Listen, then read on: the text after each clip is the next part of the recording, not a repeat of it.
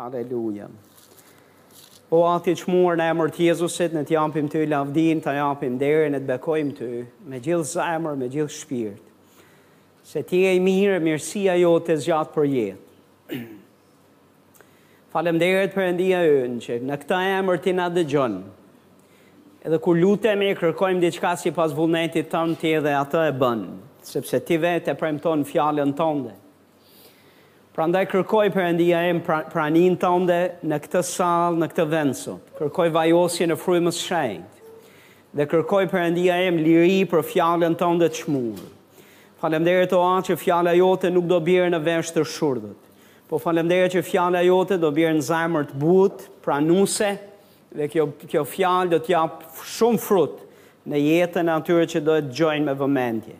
Perëndia im ti do të na e ndryshosh jetën për mirë në çdo ardhje tonë në çdo ulje tonë në tryezën tënde ti ke bollëk për ata që duan të marrin prej teje prandaj në emër të Jezusit faleminderit që atë bukë të përditshme që ti e ke përgatitur për sot ti do të na japësh sot me anë të Frymës së Shenjtë në emër të Jezusit o Atë më ndihmo që të çliroj fjalën tënde sipas zemrës tënde sot në emrin e çmuar të Jezusit dhe gjithë ne që besojmë themi Amen Haleluja O lavdia i qoftë Zotit tonë se është i mirë është i mirë mirësia e tij zgjat për jetë Haleluja Ju lutem uh, do të jem duke folur për disa gjëra që besoj do të jenë bekim do jenë përsëri do jem duke folur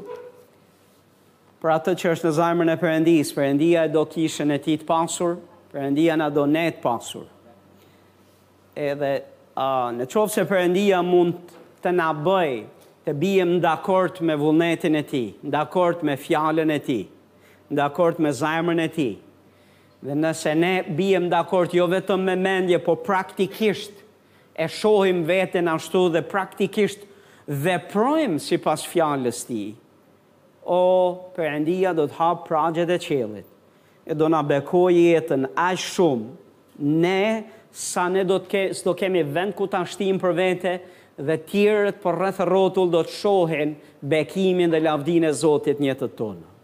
E di shpesh herë njerëzit kur mendojnë për kishën, apo kur mendojnë për qenien besimtar, mendojnë se janë duke përqafuar një jetë të vobektë, mjerani, varfanjaku, një njeriu të mërzitshëm, një njeriu që s'qesh kurrë, një njeriu që ka një jetë të zymtë, një njeriu që s'martohet, një njeriu që me pak fjalë është i vdekur veçse jeton. Dhe fatkeqësisht një punë jashtëzakonisht mirë për të projektuar këtë dhe për të paraqitur këtë lloj mesazhi atje e kanë dhënë e ka dhënë feja. E kanë dhënë kisha, jo kjo si kjo e jona. Dhe këtë nuk po e them se s'ka si kjo e jona.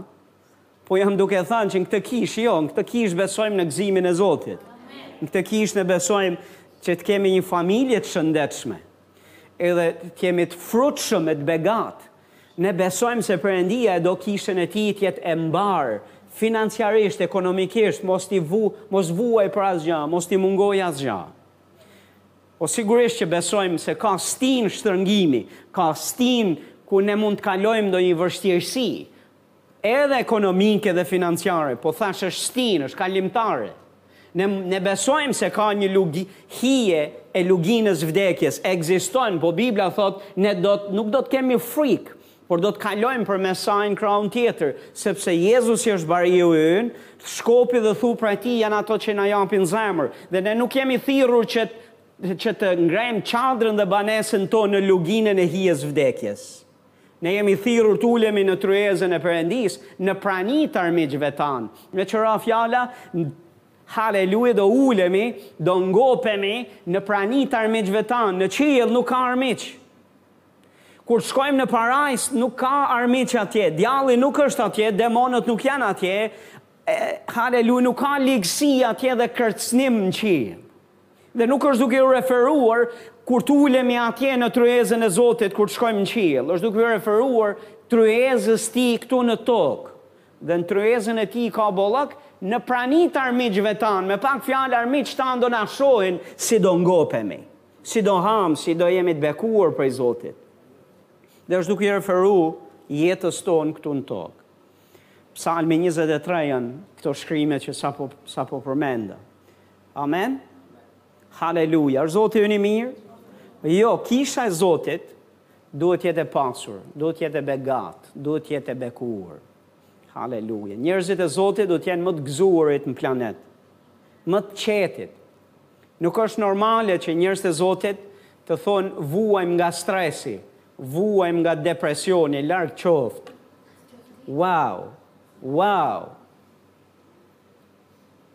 Jam i stresuar. Je i stresuar, je i stresuar për të për për të të dhënë një kështu nga këto të dyja. Që të vish në vete se je fëmijë i Zotit. Nuk je në vete nëse je duke menduar dhe thënë gjëra të tilla. Jo njerëz Zotit, ne jemi fëmijët e Perëndisë. Si nëse ne jemi të stresuar, mjerë bota. Nëse ne jemi të sëmurë, mjerë bota. Njerëzit që janë pa Zotin, që kanë nevojë për ne, kanë nevojë për Zotin. Nëse ne jemi në hall financiar mjerë bota, që janë pa Perëndinë, ne jemi dora e Zotit, ne jemi trupi i Zotit, ne jemi këmbët e Tij, ne jemi sytë e Tij, ne jemi jemi instrumenti që Perëndia do të përdor për të sjellë jetë në këtë botë. Dhe në qoftë se ne jemi më, më në vuajtje apo njësoj me botën, atëherë çfarë ke ti dhe unë për t'i ofruar kësaj bote?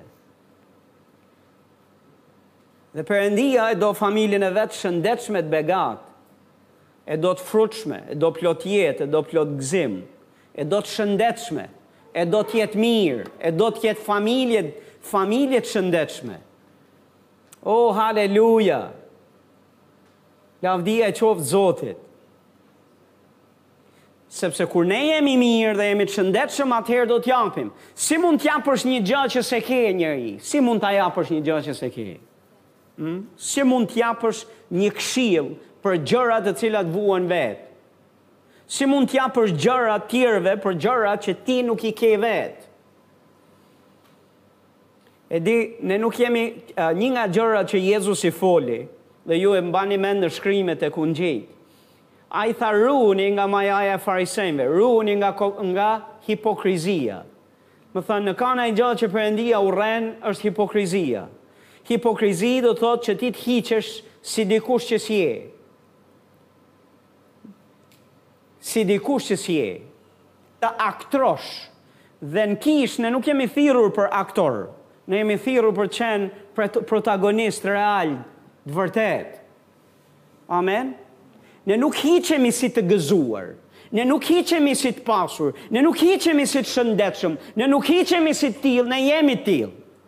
Dhe nëse nuk je i tillë, atëherë njeri i Zotit mos u përpiq ta mbulosh Këtë lloj këtë lloj këtë lloj problemi po përballoje.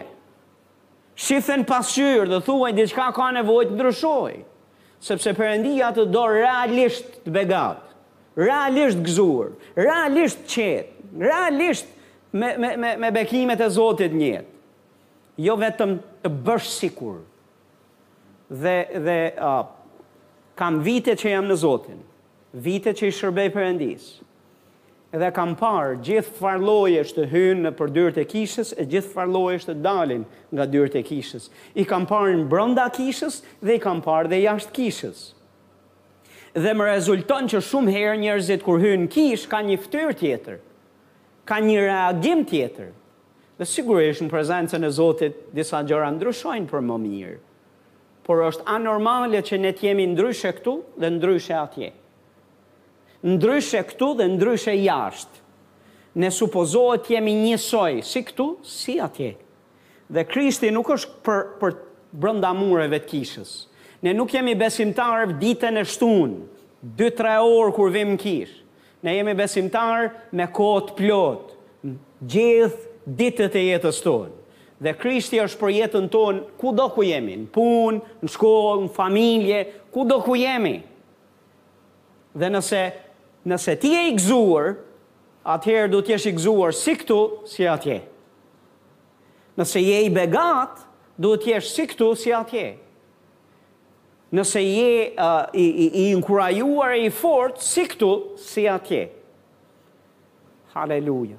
Perëndia ynë është i interesuar që Kisha e Tij realisht në të vërtetë të jetë e lirë, sepse Fjala e Zotit na e thotë këtë gjë, Kush është në Krishtin është i lirë. Kë ka bërë Biri të lirë është me të vërtetë, thotë, i lirë. Është i lirë vërtet, jo i lirë pretendon se është i lirë. Nuk është i lirë me gjasme. Është i lirë prej vërteti. Amen? Është i lirë prej vërteti. Dhe po Perëndia e do kishën e vet të mbarë, e do që të ketë bollëk, e do që të jetë e pasur. Dhe duhet t'ju kujtoj këto shkrime, sepse, haleluja, sa më shumë dëgjojmë fjalën e Zotit, Më shumë besimi do të hyjë në zemrën tonë. Sepse Romakët dhjetë shtatëmbëdhjetë thotë besimi vjen nga dëgjimi, dhe dëgjimi i vazhdueshëm i fjalës së Perëndisë. Besimi nuk vjen vetvetiu, rastësisht, por vjen kur dikush i kushton vëmendje fjalës Zotit. Dhe jo vetëm që e dëgjon një herë dhe mjafton ta dëgjojë një herë dhe nuk ka nevojë ta dëgjojë tërë jetën e vet, Por thotë besimi vjen nga dëgjimi i vazhdueshëm, i vazhdueshëm i fjalës Zotit. Dhe mund të dëgjosh një një fjalë, jo një herë, po me qindra, me mijëra herë dhe mund të mos e kesh dëgjuar. Dhe në gjithë këto qindra mijëra herë që je duke dëgjuar, mund të jetë një moment ku të ndizen dritat dhe ti e kupton, Uau! Ça po thotë ky shkrim? Ça po thotë kjo fjalë? Se mund t'i hap sytë Zoti për për për edhe mund të t'japë kuptim.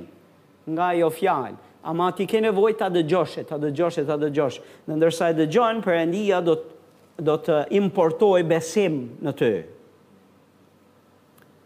E dyta e Korintasve, kapitulli 8, E dyta e Korintasve, kapitulli 8, vargu 9, thotë, sepse ju e njihni hirin e Zotit tonë Jezus Krisht. Ju kam thanë ça është hiri, është aftësi e mbinatyrshme e Perëndisë për të pasur apo për të bërë gjëra që nuk i bën dot me forcat tua. Po Perëndia të jep fuqi, të jep aftësi të mbinatyrshme, hyjnore që ti s'e ke, që ti me forcat tua nuk mund ta kesh e nuk mund të bësh ato gjëra, nuk mund të jesh ai, nuk mund të kesh e nuk mund të bësh ato gjëra që Perëndia pretendon t'i kesh, t'i bësh edhe të jesh. përveçse me aftësinë e tij, dhe ju thotë kishës, ju e njihni hirin e Zotit tonë Jezus Krisht, i cili, thotë, duke qenë i pasur, Jezusi, edhe pse ishte i pasur, thotë, u bë i varfër, Jezusi u bë i varfër, po u bë i varfër për një qëllim, u bë i varfër për një arsye, thotë, u bë i varfër për ju, u bë i varfër për ne, Që ju, thotë, të bëheni të pasur, le të themi bashkë që ju të bëheni të pasur.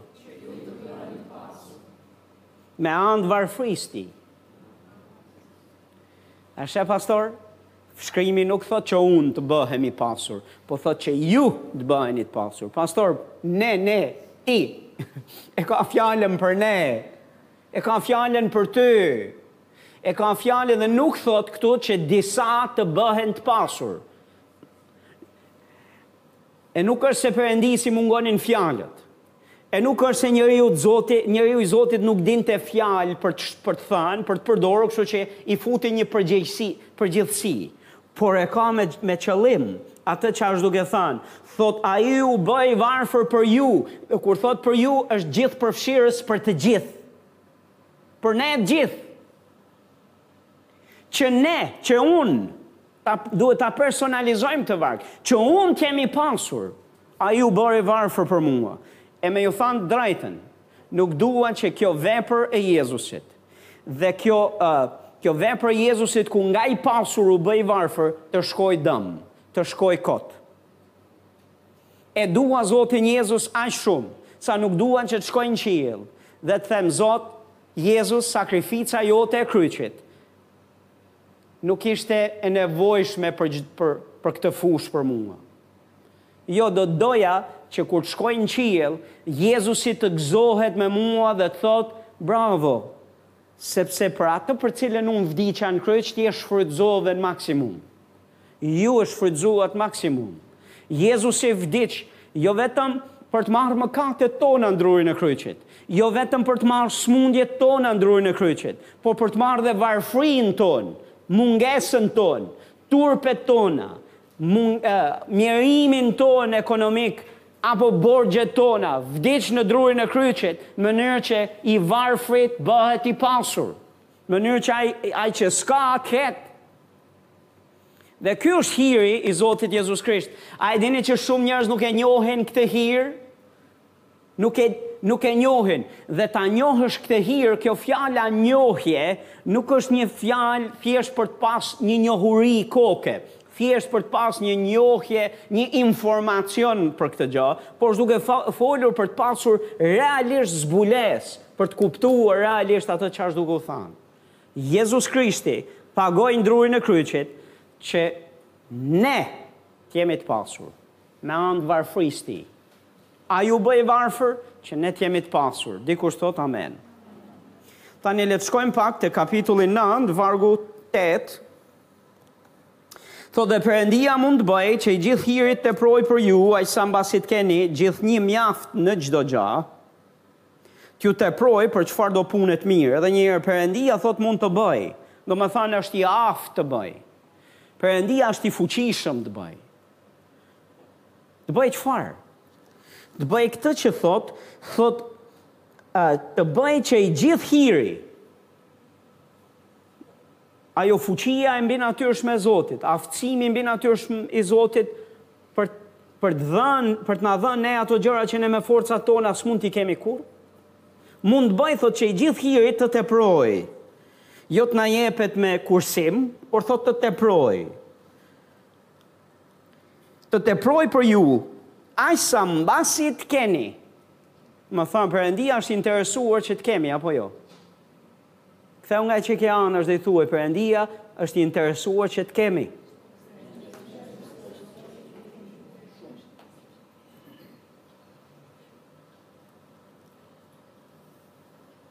Mbasi të keni gjithnjë, fjala gjithnjë do të thotë gjatë gjithë kohës, është duke folë për kohën. Dhe Perëndia do që ti të kesh gjatë gjithë kohës. Jo vetëm në fillim të muajit, kur të vjen rroga, dhe deri nga fundi i javës së parë, java e parë e muajit, s'ka më. Dhe duhet të presim që të vijë java tjetër e muajit në mënyrë që Dhe gjatë kësaj periudhës kohe, kohës që, që s'ke, deri kur të të vijë koha, ti do mbijetosh disi, ose do zhytesh në borgje. Jo, është duke folur, do të kesh, thotë, gjithnjë, gjatë gjithë kohës, që do të thotë në fillim të muajit, në mes të muajit, në fund të muajit, çdo ditë të jetës tënde.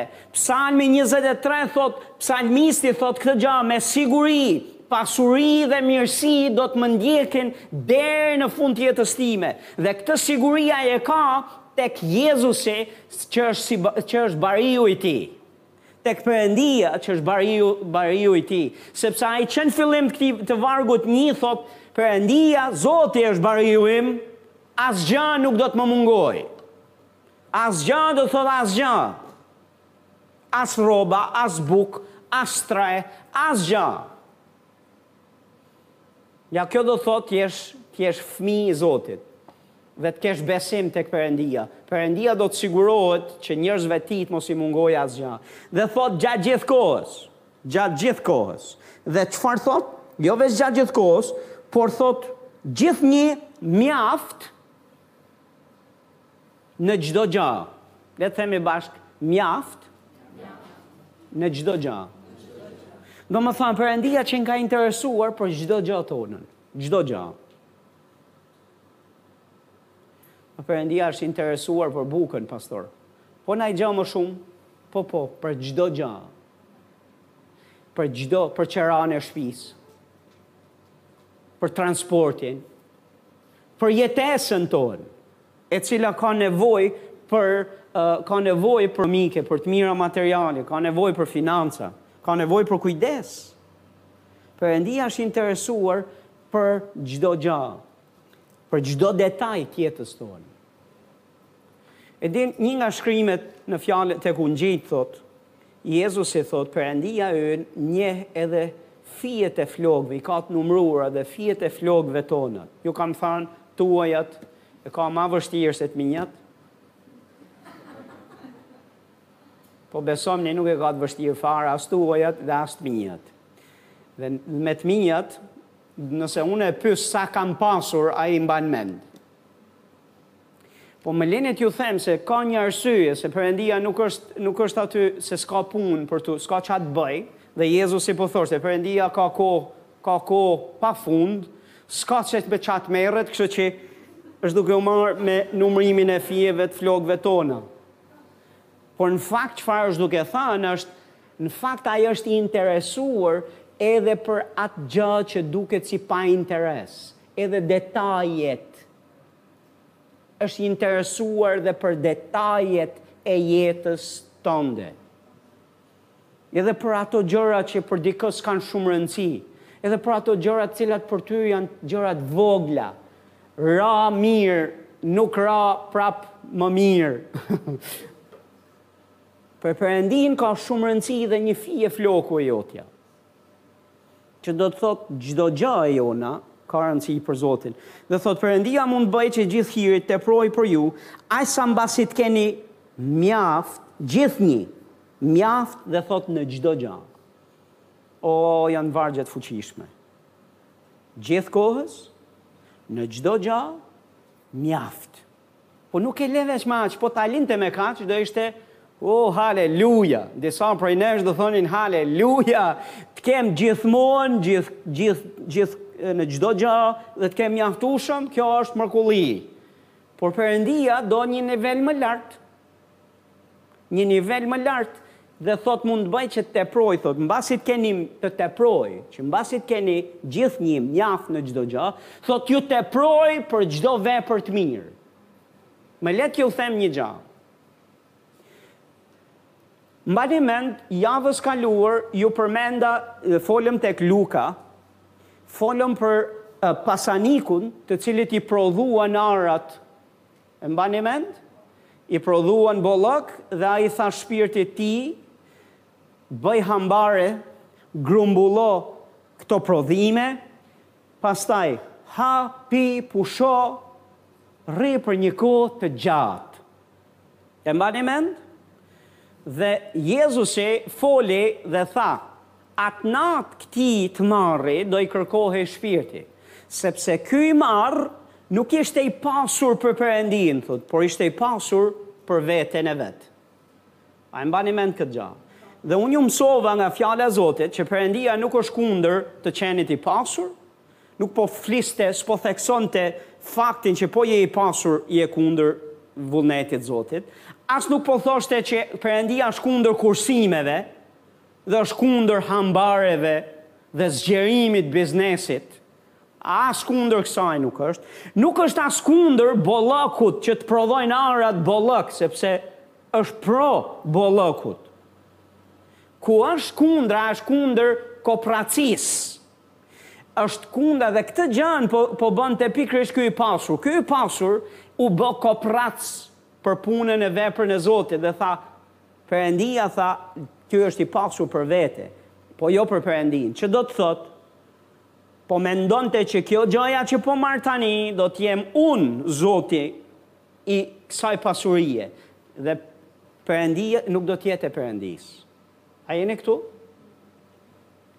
Po më lini t'ju them një gjë në versionin e Perëndisë. E dini kur je i pasur për Perëndinë? A e di kur je i pasur për Perëndinë? Ktheu nga ai që ke anash dhe thuaj, a e di? Më le të tregoj se kur je i pasur për Perëndinë. I pasur për Perëndinë je kur të tepron për çdo vepër të mirë. Atëherë për të je i pasur.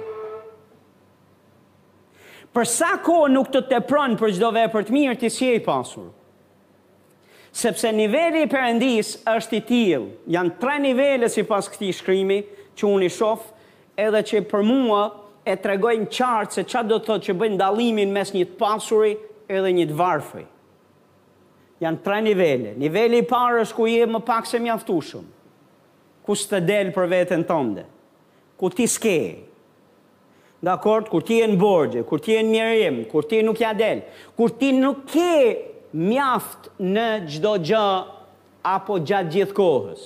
Tani në qoftë se ti ke ndonjë rast tek tuk, një herë po e një herë jo, prap nuk je je te ky niveli i parë. Në qoftë se ti ke.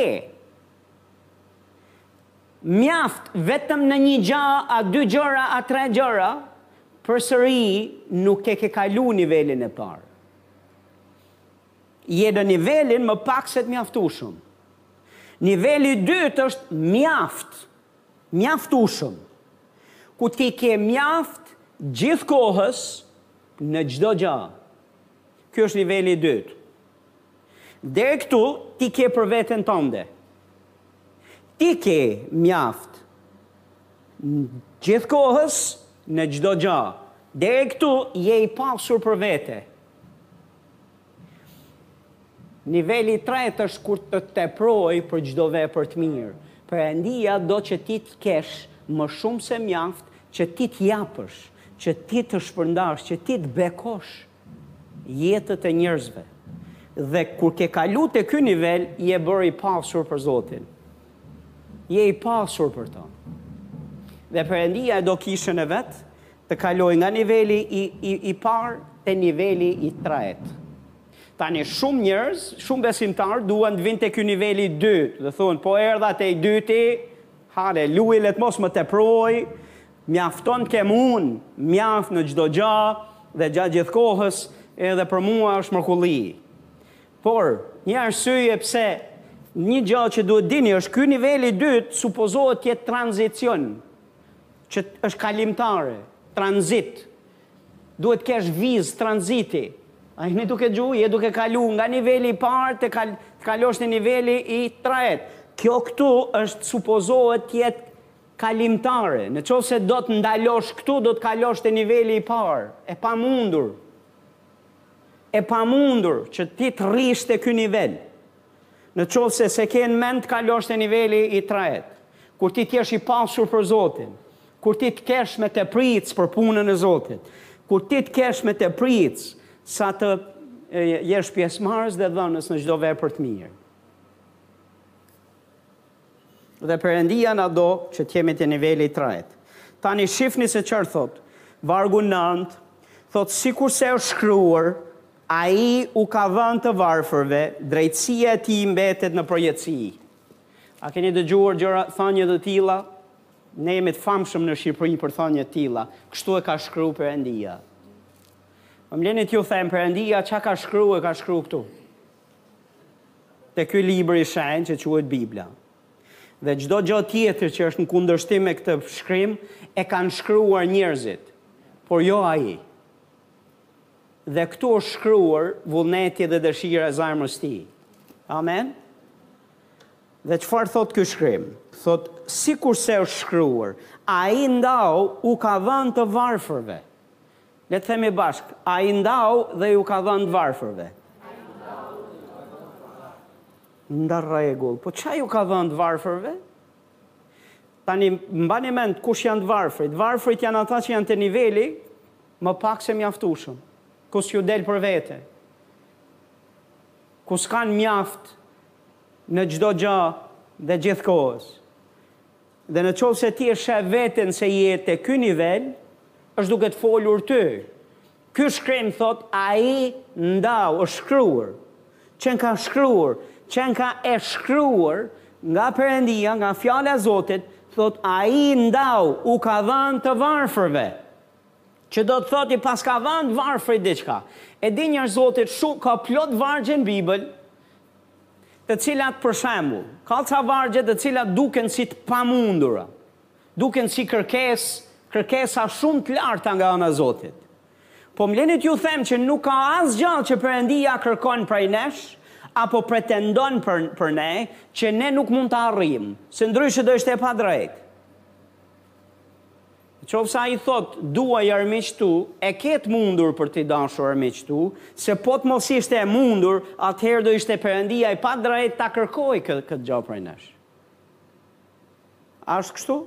Tani që Perëndia të pretendojë që i varfri të dalë nga varfëria e vet dhe të vijë te ky niveli ku ka më shumë se mjaft dhe i tepron për çdo vepër të mirë, të vijë te niveli të qenit i pasur, Të vijë te niveli ku është duke jetuar nën hirin e begatisë Zotit, do ishte e padrejtë nëse do ishte e pamundur.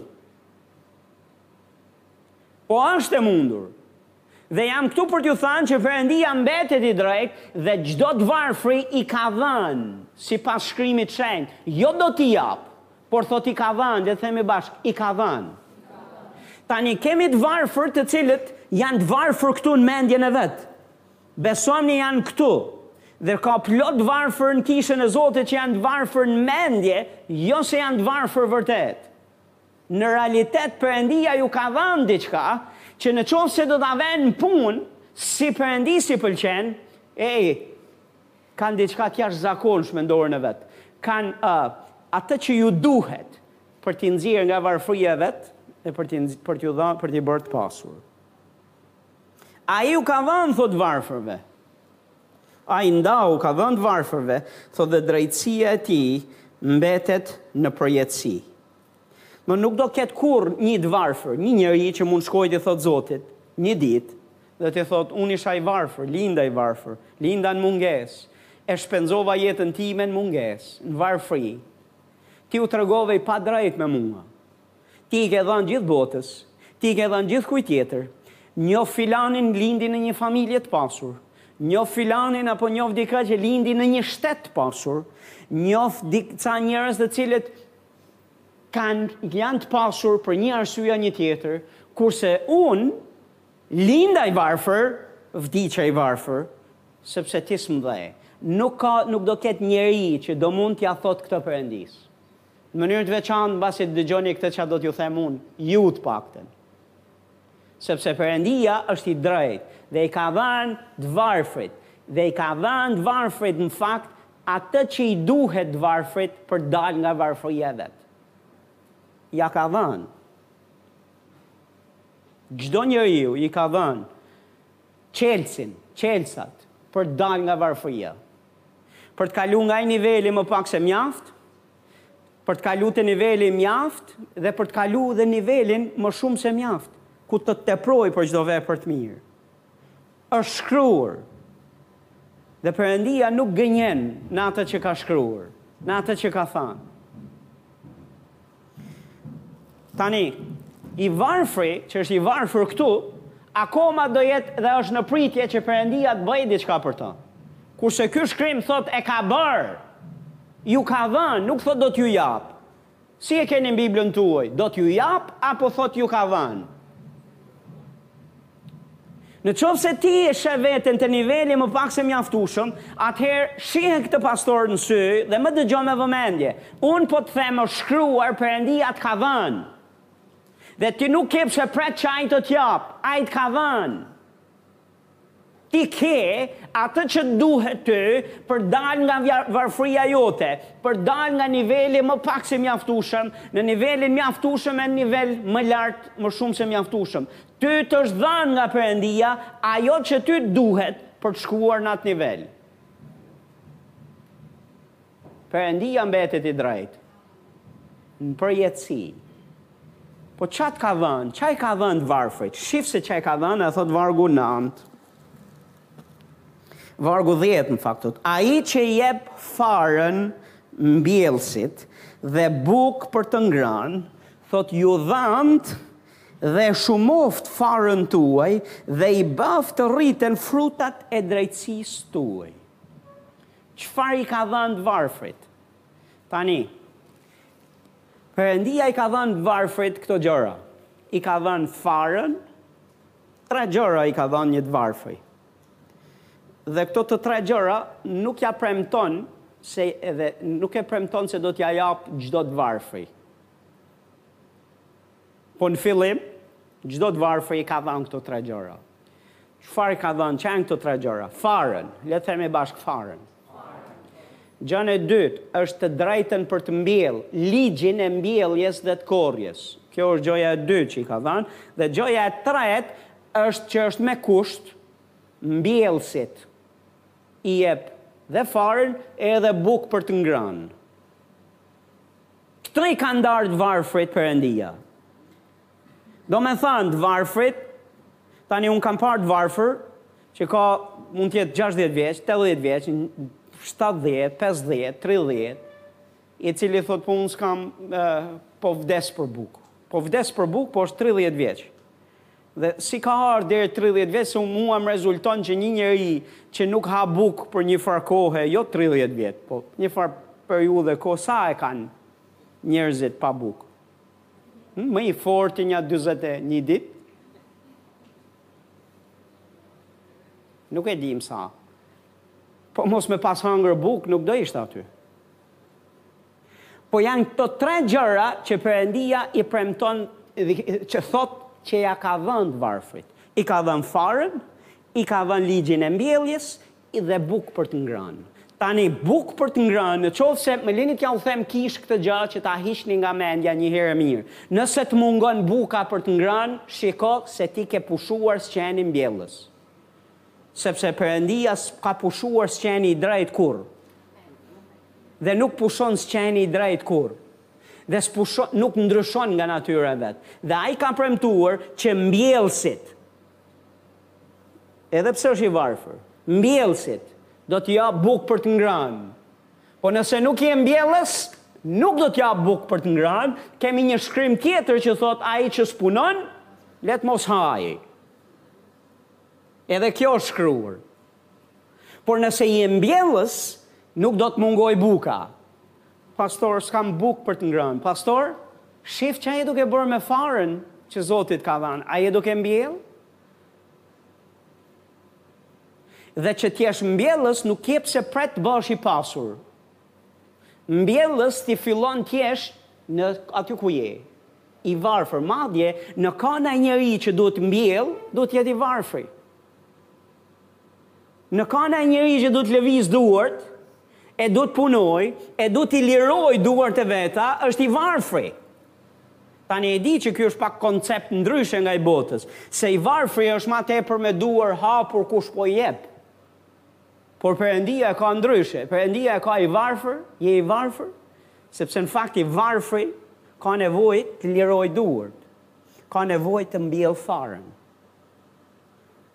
Perëndia i ka dhënë të varfrit gjithçka që i duhet për t'u bërë i pasur.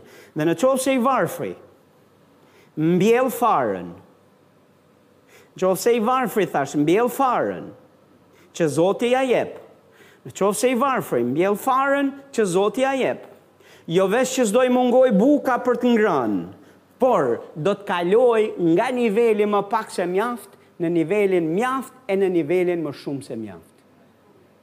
Tani do donim që mrena ditës, mrena natës, të kalojmë menjëherë. Nuk funksionon kështu me Zotin. Çfarë thotë Jezusi në shkrime? Thotë këtë gja. Thotë me se ta krahasojmë mbretërinë e Perëndisë. Me farën që u mboll, thotë. Mbillet fara, pastaj fara mbin, më parë del kërcelli, pastaj gjethet, pastaj lëshon jep frut dhe fruti piqet dhe pastaj vjen korrja. Që do të thotë ka një proces, ka një kohë mes mbjelljes, farës deri tek e korra. Dhe ne do donim që të mos e kemi fare këtë kohën, menjëherë sa akoma pa e mbjellë ne e kemi korrë, por Mbretëria e Perëndisë funksionon kështu, funksionon në këtë mënyrë, ti mbjell dhe do kohën e vet që të vijë koha e korrjes.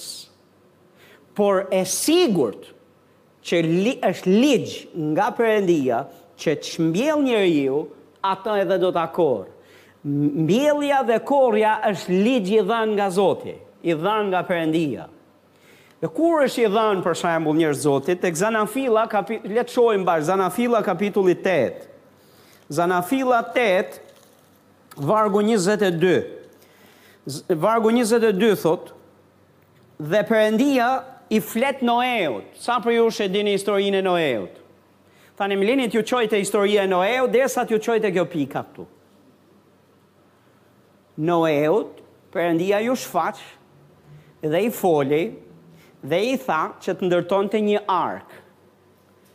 Në rregull, dhe i tregoi dhe përmasat e arkës, Dhe i tha, Kur të ndërtosh këtë arkë, do të vijë dita kur do të bjerë shi mbi tokë dhe do të përmbytet e gjithë bota, gjithë toka dhe do shfaros çdo qenie të gjallë, çdo bimë, çdo gjallë që është në këtë botë, Perëndia do ta shuante nga faqja e dheut, sepse njeriu, njeriu mëkatoi aq shumë, Dhe aq shumë e teproi në lakmi e në imoralitet e në ndyrësitë e veta dhe harroi Zotin, sa Perëndia u pendua se e kishte krijuar njerëzimin. Dhe Perëndia u betua se kjo gja do të ndodhë. Tani deri në atë kohë nuk kishte ranë shi në tokë. Kështu që Perëndia i dha një mesazh, një mesazh për një gja që s'ishte përjetuar ndonjëherë. Do të bjerë shi. E ça është shiu? E si do bika shiu? Ne kemi parë qiellin me, me vite, po si, si do bjerë, do bjerë ujë nga qielli? Ne kemi parë ujë që rrjedh nëpër lumenj, po të bjerë nga qielli, ama Perëndia e kishte thanë që kjo do të bëhej dhe Noeu e besoi Perëndinë. Por po të shihni në shkrime, janë ca gjëra që Perëndia i tha, i tha Noeut që janë me shumë peshë.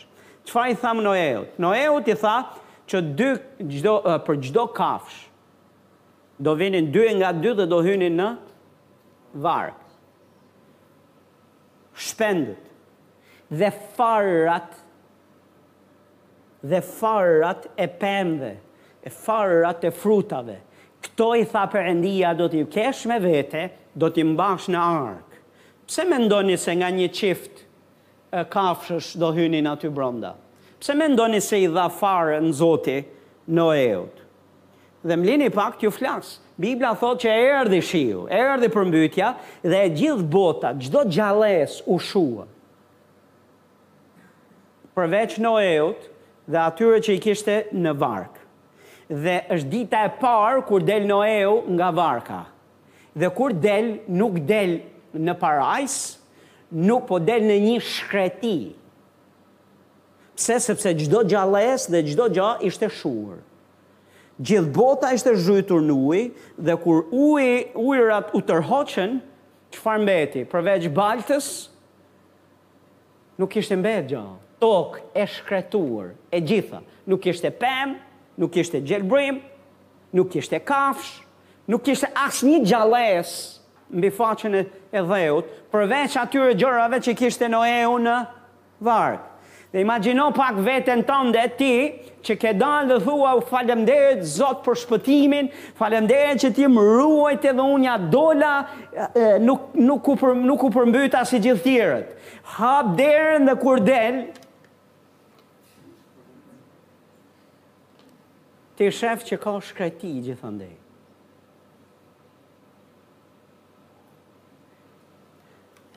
Këtu Zoti i flet Noeut dhe i thot jep ligjin që jam duke u folur ju. Dhe ju thot tek vargu njëzet e dy, njëzet e dy, Derisa të jetë toka, nuk do të pushojë kurrë së ekzistuari mbjellja dhe korrja.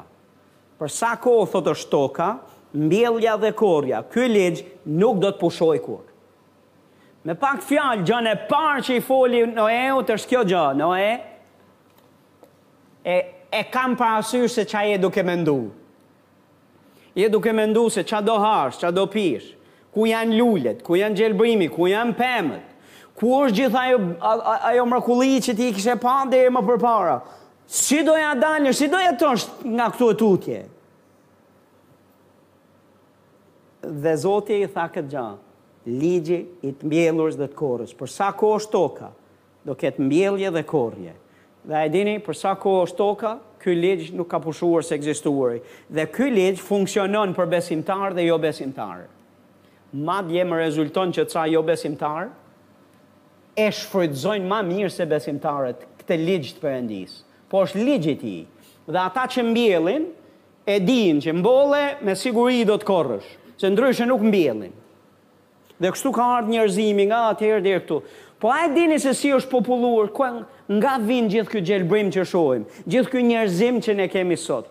Vin nga ai ata që ishin aty në në varkën e Noeut, që ishin fara. Fara. Dhe ligji i të mbjellurës dhe të korrës. E ju do thoni po çfarë bëri Noeu nga nga dita e parë tutje? Mbolli farat. Lëshoi kafshët që ishin çift dhe ato u vetëpopulluan, ndërkohë që mbolli farat. Dhe Perëndia në këtë mënyrë e riktheu jetën përsëri në tokë. Dhe ky është një shembull për ne. Në qoftë se Perëndia bëri këtë gjë me Noeun, Perëndia e bën edhe me ty. Në qoftë se ti shef, pastor, jeta jote është si Noeu i dalë nga ditën e parë, i dalë nga varka, ku kthen kokën këtej shkreti, kthen kokën këtej mungesë, kthen kokën andej më keq.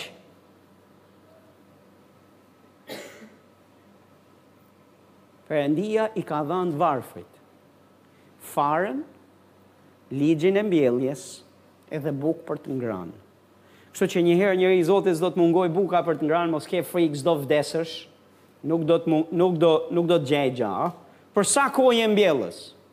Kështu që unë them, mbill, sikur edhe mos mungo, për të mos munguar buka, kjo është një arsye e mirë për mos për mos me qenë ë i pabindur ndaj këtij ligji. Por unë them, vëre në punë, sepse duke e vënë në punë, ky ligj do të prodhojë më shumë se sa buka e gojës. Ti do të dalësh nga niveli i varfërisë në nivel bollëkut të Zotit.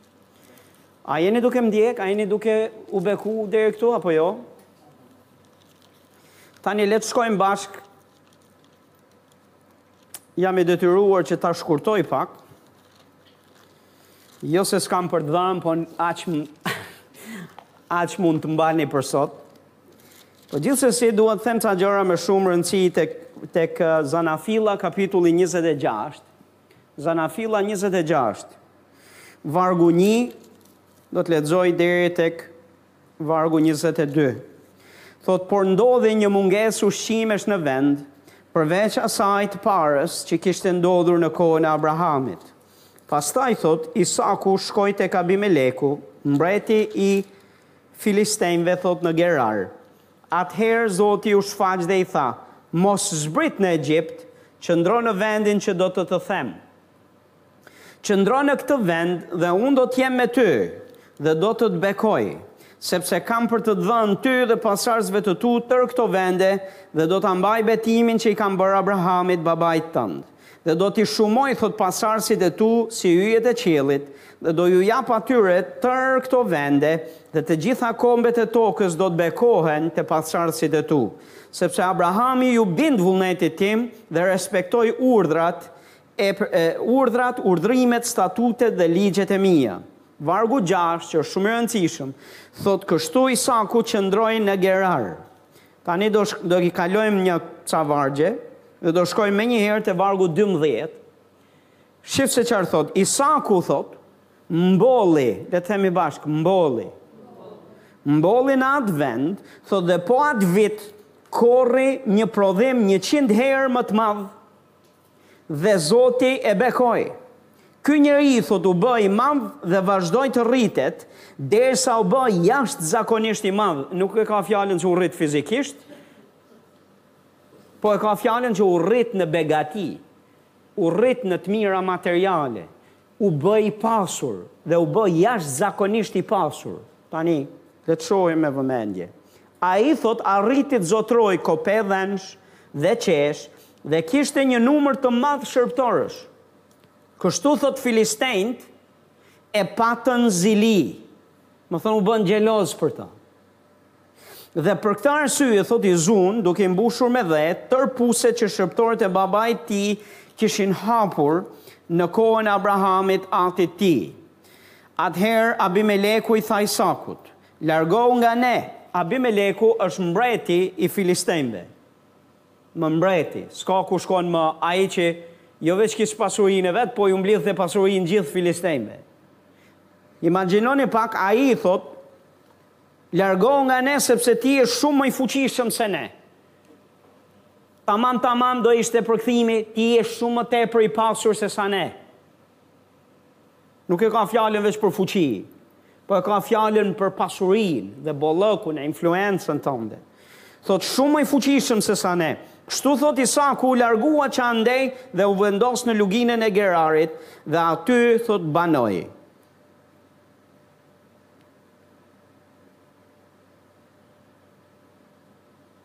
Dua të ndaloj pak këtu dhe t'ju flas për këtë histori. Te vargu një, njër në fillim thotë ndodhi një mungesë ushqimesh në vend, që do të thotë zi buke. Mungonte ushqimi. Tani për mungesë ushqimi, normalisht kur i mun, kur mungon ushqimi, njeriu bën gjithçka që është në dorën e vet për gjetur zgjidhje. për të dalë nga kjo situatë. Kjo nuk është situatë bollëku, ku ti ke mjaft në çdo gjë dhe të tepron për çdo vepër të mirë. Kësaj radhe ti je në kushte mbijetese, në kushte që a do ia dal apo s'do ia dal, sepse ka mungesë.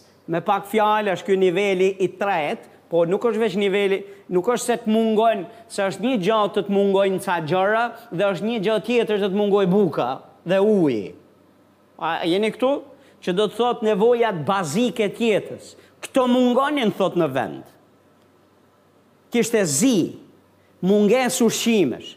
Dhe çfarë i lindi në mendje Isakut? Isakut i erdhi në mendje për të gjetur zgjidhje, për të dalë nga kjo situatë, i erdhi në mendje thotë që të shkojë në Egjipt dhe u nis për të shkuar drejt Egjiptit.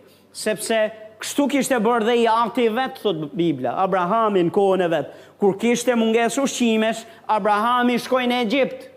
Kështu që edhe Isaku mendoi as të ndiqte hapat e të jatit. Do shkonte edhe ai në Egjipt. Do shkonte në emigrim. Dua ta dëgjoni me vëmendje këtë që do të them, sepse më duhet t'ju mësoj ca të vërteta. Në kishën tonë ne nuk jemi kundër emigrimit. A jeni këtu? Fshijeni nga mendja. Nuk jemi kundër emigrimit. Por jemi kundër një një një të shkuare kudo ku don ti pa drejtimin e Zotit. Në emigrim a kudo ku je duke shku. Qoftë dhe në një punë ku do të hysh, nëse nuk e ke bekimin e Perëndisë ne themi mos hy. Mos shko, mos e bëj. Ne duhet kemi Jezusin Zotin tonë dhe duhet të drejtohemi nga fryma e shenjtë, duhet të drejtohemi nga Zoti, jo të drejtohemi nga nevoja, jo të drejtohemi dhe, dhe të shtyhemi nga sfidat e jetës, të cilat mund të na çojnë sa këtu, sa në fundin tjetër të botës, sa, sa këtu, sa në emigrim. Tani e kuptoj që është është ide brilante në mendjen tënde që ti je i zellshëm, je punëtor dhe ti do të sigurosh për nevojat tua, e vlerësoj këtë pjesë se kjo duhet të jetë. Por, pastor, jo të shkosh ku të duash ti. Dhe jo kudo ku ti ty të shkon nëpër mend mund të jetë bekimi i Zotit. Dhe ti ke nevojë që të konsultohesh me Perëndinë. Ke nevojë të marrësh zemrën e bekimin e Tij kudo ku shkon. Se kur shkon në vullnet, kur je në vullnetin e Tij, bekimi i Zotit do të ndjek. Kur je jashtë vullnetit Tij, sado premtuese parajsë edhe e, e, e, e premtime të ketë për atë vend ku je duke shku, Ti mund dalësh i dëmtuar që aty. Nëse del. Gjithnjë nëse del. Do dalësh i dëmtuar.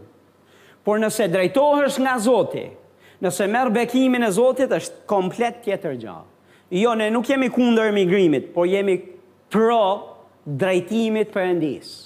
Dhe nëse Perëndia të thotë mos shko diku, mos shko. Nëse Perëndia të thotë mos hyr në një derë, mos hyr. Nëse Perëndia të thotë mos e merr një punë, mos e merr. Dhe unë besoj që duhet të mësojmë e të zhvillojmë marrëdhënien e atillë me Perëndinë sa ta pyesim për gjërat e jetës tonë. Nëse ai jam duke u thënë që është i interesuar dhe për fijet e flokëve tua, do të thotë që është duke është i interesuar për jetën tënde në detaj. Që do të thotë është i interesuar dhe ku punon dhe ça bën dhe si dhe ku do të jesh, ku do të jetosh. Jo pastor. Emigrimi shumë premtues. Po ti nuk mund të shkosh në emigrim thjesht sepse ke ca premtime dhe ke dëgjuar dikë që erdh nga emigrimi dhe e e e rregulloi jetën e vet. A jeni duke dëgju? Sepse jo gjithkush që ka ardhur nga emigrimi e në të vërtetë ka rregulluar jetën e vet. Dhe është shumë e çuditshme se si njeriu, po njeriu jeton me shpresë. Dhe herë mbas here ne, njeriu ka tendencën që të marrë atë shembull, një shembull të mirë që është, pavarësisht se mund të jetë qindra e mijëra të tjerë që nuk janë pozitivë. Po ka tendencën të kapet mbas asaj pozitives. Edhe keni vënë re ata që pinë duhan? Dhe ti u thua e kanë shkruar gjithandej duhani vret duhani vret duhani bën këtë duhani bën atë tani kanë nxjerrë edhe foto se çfarë i bën trupit po po t'i pyesësh shumica e tyre thotë njohim nji që ka qenë nëntëdhjetë vjeç a qind vjeç ka jetu atje që pinte duhan me llull dhe s'e gjeti gja po se njeh nji ti po mijra tjerë të cilët janë kështu siç i sheh ti Pse nuk po thua janë pse nuk e ke mendjen këtu po e ke mendjen atje jo njerëz zotit ne nuk mund të ecim në bazë një shembulli ne duhet të ecim në bazë drejtimit zotit dhe këtu ne shohim që perëndia i foli Isakut dhe i tha rri në Gerar nuk dua të shkosh në Egjipt sado premtime premtues është vendja atje e i begatë është atje nuk dua që ti të shkosh atje Dhe njerëz Zotit, një nga gjërat që dua t'ju mësoj është kjo gjë, mësoni të drejtoheni nga Zoti se po nuk e mësuat këtë mësim do të jeni nën kontrollin e Mamonit, do të jeni nën kontrollin e asaj fryme demonike që nuk do t'ju lejë që të përmbushni vullnetin e Zotit kurrë. Po do të sigurohet që do t'ju krijojë rrethana mungesash e rrethana shtrënguese të atilla në mënyrë që t'ju nxjerrë nga vullneti i Perëndisë. E disa njerëz e lenë shërbesën, e lenë punën e Zotit, e lenë Zotin, thjesht nga nevoja dhe nga halli. Do vija në kishë, pastor. Do, do, po, jam në nevojë, duhet hy në punë, duhet punoj. Ok, e kuptoj që duhet të punosh. A nuk e ka ditur Perëndia që ti ke nevojë për të punuar? A nuk e di ai që ti ke nevojë për të plotësu nevojat e tua? Po ka një mënyrë të Perëndisë. Dhe mënyra e tij është jo për t'u largu prej tij, por t'u afru afër tij. Mbani mend kur ju kam folur për mamonin, një nga gjërat që ju duhet t'ju bëjë ta dalloni, është kjo gjë, Bëjeni pyetjen, Kjo rruga që po marr unë, më largon nga Zoti a më afron? Më largon nga kisha a më afron? Më largon nga koha ime me Perëndinë apo më afron?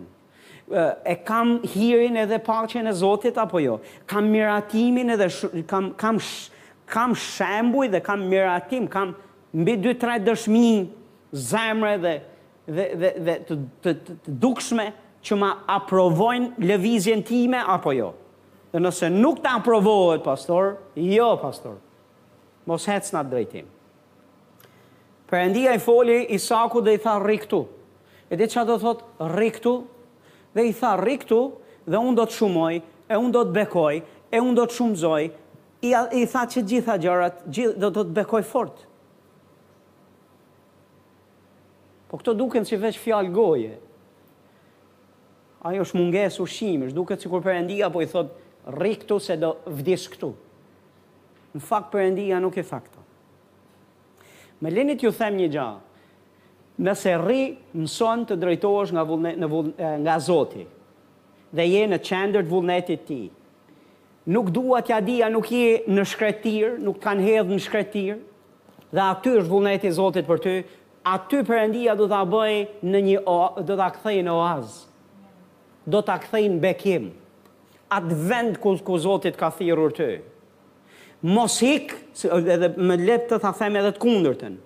Në qoftë se ti ikën me kokën tënde, në një vend që do të jetë parajsë për ty, do të jetë oaz në fillim, besomë do të të kthehet në shkreti.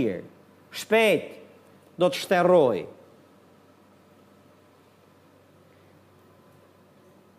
Vullneti i Zotit është i bekuar, e ka bekimin brenda. Prandaj ti duhet të drejtohesh nga Zoti. Atje ku shkon e hapat që bën, dikush thotë amen. A jeni duke më dëgju? U bind thotë Bibla, Isaku ndenji n'Gerar. Dhe ça i ndodhi Isakut kur ndenji në vullnetin e Zotit? Kur ndenji në atë vend ku gjithkush ishte duke vuajtur, ku gjithkush mezi po ia dilte, ishte në kushte mbijetese, n'mungesë ushqimesh. Ça ndodhi me këtë burrë sepse iu bind Zotit dhe ndenji aty ku Zoti e thirri? Çfarë ndodhi me të? U bë i madh dhe thotë jashtëzakonisht i madh. Aq shumë u bekua nga dora e Perëndisë se iu bind atij dhe ndenji aty ku Zoti e kishte thanë, sa, Bibla thotë, bota përreth, që janë filistenj, mbreti i filistenjve, u bënë ziliqarë ndaj, ndaj këtij njeriu dhe i, dhe i kërkoi në fakt mbreti që të largohej, sepse ishte, ti tha, je më i fuqishëm se sa ne. Perëndia e bekoi fort brenda një viti a jeni duke dëgju? Ia bekoi e transformoi jetën Haleluja është Zoti i mirë Ne nuk kemi frikë nga krizat ekonomike të vendit. Ne nuk, nuk, nuk, për ne nuk duhet të jetë kjo uh, në udhëtimet tona misionare dhe ecjen tonë me Zotin, ne nuk duhet të ecim në këtë mënyrën. Ok, a ka plazh atje? A ka diell? Si është, është, është buk, ka, ekonomia është mirë? Po, atëherë më ka thirrur Zoti misionar në atë vend. Jo, nuk e, duhet me ecë komplet ndryshe. Ku më ka thirr zoti të shkoj në filan vend, po s'ka drita, s'ka ujë, jetojnë nëpër kasolle, nuk lahen njerëzit, nuk vishen, vënë gjethe për t'u mbulu, ata që mbulohen, dhe në ca pjesë nuk mbulohen fare, po zoti më ka thirr që të shkoj atje, atëherë atje do të shkoj, dhe beso më atje është qielli në tokë për ty. Atje është qielli në tokë për ne. Ne nuk ecim nga është rehatia, ne ecim nga Zoti na kërkon dhe na drejton. Amen? Dhe mësojeni këtë gjë, se do t'ju bekohet jeta. Dhe njerëz Zotit, në vullnetin e Perëndisë, nëse do të mbillni, nëse do të vini në punë atë që keni, Perëndia do t'ju bekojë shumë, do t'ju bëjë të mëdhenj, do t'ju bëjë jashtëzakonisht të mëdhenj. Unë jam më i interesuar që ju të mësoni në mes shkretirës, në mes mungesës, në mes kushteve mizerabël, ju të mësoni të praktikoni Fjalën e Zotit dhe ta transformoni atë botë përreth jush dhe t'ia dilni sesa të shkoni sa nga një vend në një tjetër, sa këtu sa në emigrim, në kërkim gjithmonë të një jete më të mirë. Njerëz Zotit, nëse ti mëson ta kthesh oaz në oaz një shkretirë që ti e ke sot, je i pandalshëm më. Je i pafrikësueshëm më, je i pandalueshëm më. Pse? S'e ke problem ku jeton më. Nuk është më problemi yt ku jeton më. Amen? Dhe nuk është liri e vogël kjo njerëz Zotit për ne. Nëse ne mund të lirohemi dhe kemi këtë liri që, shiko, unë mund të shkoj kudo, dhe të ta kthej, të kthehet në oaz, në bekim, vendi ku do të ku Perëndia më dërgon, je i pandalshëm më. Do të bësh çka Zoti të kërkon gjithmonë. Dikush thotë amen. Haleluja. Do punosh për kishën për shembull. Po punon dhe po punon vullnetar. Njerëz Zotit. Dhe herë mbas here njerëzit e Zotit ka plot njerëz Zotit që nuk e dinë se çfarë janë duke bërë me investimin që japin në Kishën e Perëndisë. Nuk e kuptojnë që ajo është më me pagesë, më e bekuar sesa një mijë punë po t'i kesh gjetiu. Po më lër të të shpjegoj, të të them këtë gjë, Ji bekim, ji bekim, mos, mos, mos u kurse për punën e Zotit. Dhe mund, nëse Zoti të thotë, shiko, unë dua që ti të punosh, e të punosh për kishën dhe dua të punosh pa lekë. Çfarë do bëje? Pastor a keni nevojë ju për në kishë për punëtorë të tillë? Jo pastor nëse Zoti nuk të ka thirrë ta bësh këtë gjë të lutem larg meje. Larg nesh një herë se na edhe një njeri që edhe një njeri që thotë un kam ardhur për të shërbyer Zotit, po nuk kam për të ngrënë, edhe kjo nuk na duhet. Jo, më duhet, na duhet një version tjetër, që i, i japim Zotit lavdinë që ma ka dhënë privilegjin që të vej duart në punën e tij. Dhe do t'i shërbej atij me apo pa, dhe ai paguan mirë. Dhe më le të të them këtë gjë, pastori, Perëndia shpërblen, ta shpërblen jetën kur i shërben atij. Të bekon më shumë se sa ç'do bëje një mijë punë diku tjetër. Amen. Haleluja. Edhe mund të ndaloj e t'ju tregoj dëshmi pas dëshmish. Po vini re pak një gjë të bukur këtu. Isaku thotë mbolli, le të themi bashkë, Isaku mbolli. Tani duket anormale, në mes mungese ushqimesh, kur gjithë janë duke rujtë ushqimet, atë farë, e janë duke ngrënë nga fara, ky nuk ha nga fara, ky mbjell, dhe një gjë shumë më bukur këtu është që nuk i tha Perëndia mbill. Nuk shoh asnjë varg në Bibël këtu që Perëndia i tha Isak, këtë vit shko e mbill.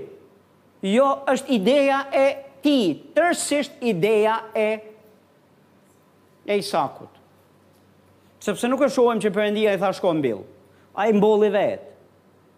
Tani njerëz të Zotit më lini t'ju them një të vërtetë të bukur.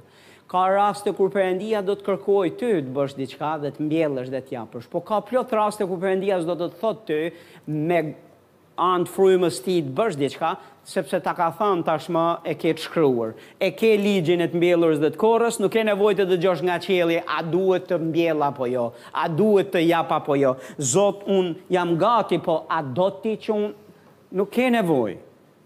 Ka plot ra madje, madje, pastor, ti vazhdo të japësh Vazhdo të japësh me iniciativën tënde, siç shkrimi i shenjtë na thotë me atë masë që njeriu mat, nuk thotë me atë masë që Perëndia i thotë të masë, por thotë me atë mat, masë që njeriu mat, ashtu, ashtu do t'i matet, që do të thotë, kur ti do të japësh, ti mat vetë sa do të japësh. Dhe ai thotë dhe kur të japësh, jap, jep jo nga shtrëngimi e nga detyrimi, por jep me një zemër, nga një zemër e gëzuar, se Perëndia thotë kur ti jep, Dua të japësh, po dua të japësh me gëzim, se po s'dhe me gëzim, nuk më pëlqen. Po je iniciator ti në dhënie. Nuk ke nevojë të dëgjosh nga qielli a duhet të japësh dhe sa duhet të japësh. Ti vetë vazhdo të bësh ashtu siç është në zemrën tënde. Praktikoje, por do ketë raste ku Perëndia do të kërkojë. Dhe kur ai të kërkon, do të ta mësoj në një rast tjetër. O, kur ai të kërkon që ti të japësh diçka, të lutem, të lutem, duhet të bësh festë, duhet të hidhesh përpjetë, duhet... Uuu, Perëndia ka kërku diçka prej meje, do që unë të jap, ti duhet të lumturohesh, ty s'du të zaj gjumi, nga gzimi. Perëndia po të kërkon ty të japësh diçka. Po s'mundesh të gëzohesh në qoftë se nuk do të dish atë ç'a do të them javës që vjen.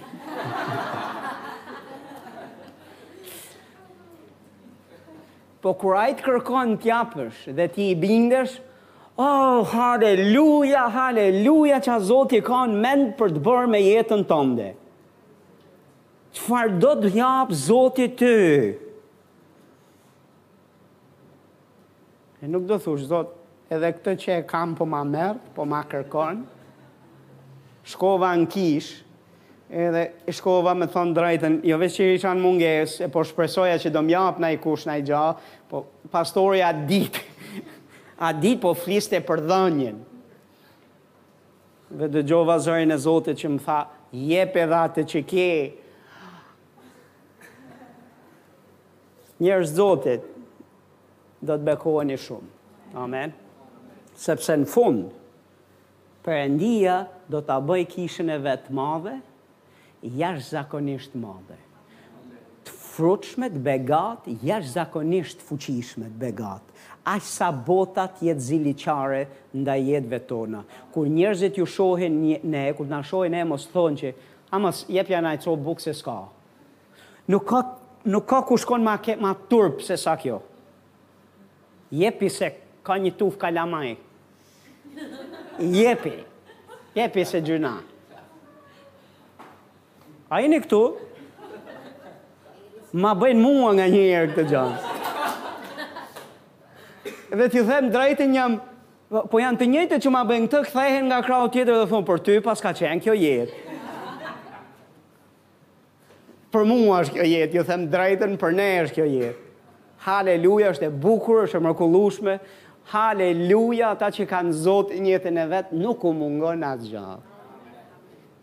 Oh, haleluja, nuk u mungon asgjë njerëz të Zotit. Amen. Haleluja. Dhe Zoti do të na transformojë jetën aq sa ata të jenë ziliçar ndaj nesh, të kenë zili jetën që bëjmë. Dhe dhe kjo zili lutemi që disi t'i drejtojë tek Jezusi.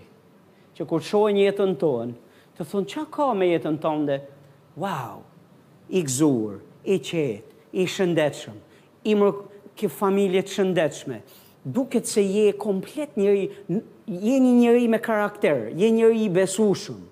Je njeri i dashur, je njeri që nuk përfshihesh në imoralitet, në sharje, në grindje, nuk ke dëshirë të vrasësh njerëzit e të nuk ankohesh, po je njeri komplet tjetër. Wow, kam zili, e kam zili jetën tënde për mirë. Ça ça ka ndryshe me ty? Ça ka ndryshe me mua? Jezusi, quhet Jezus. Ky është ndryshimi. Amen. Ky është ndryshimi. Haleluja. Kur i kemi thanë po Jezusit,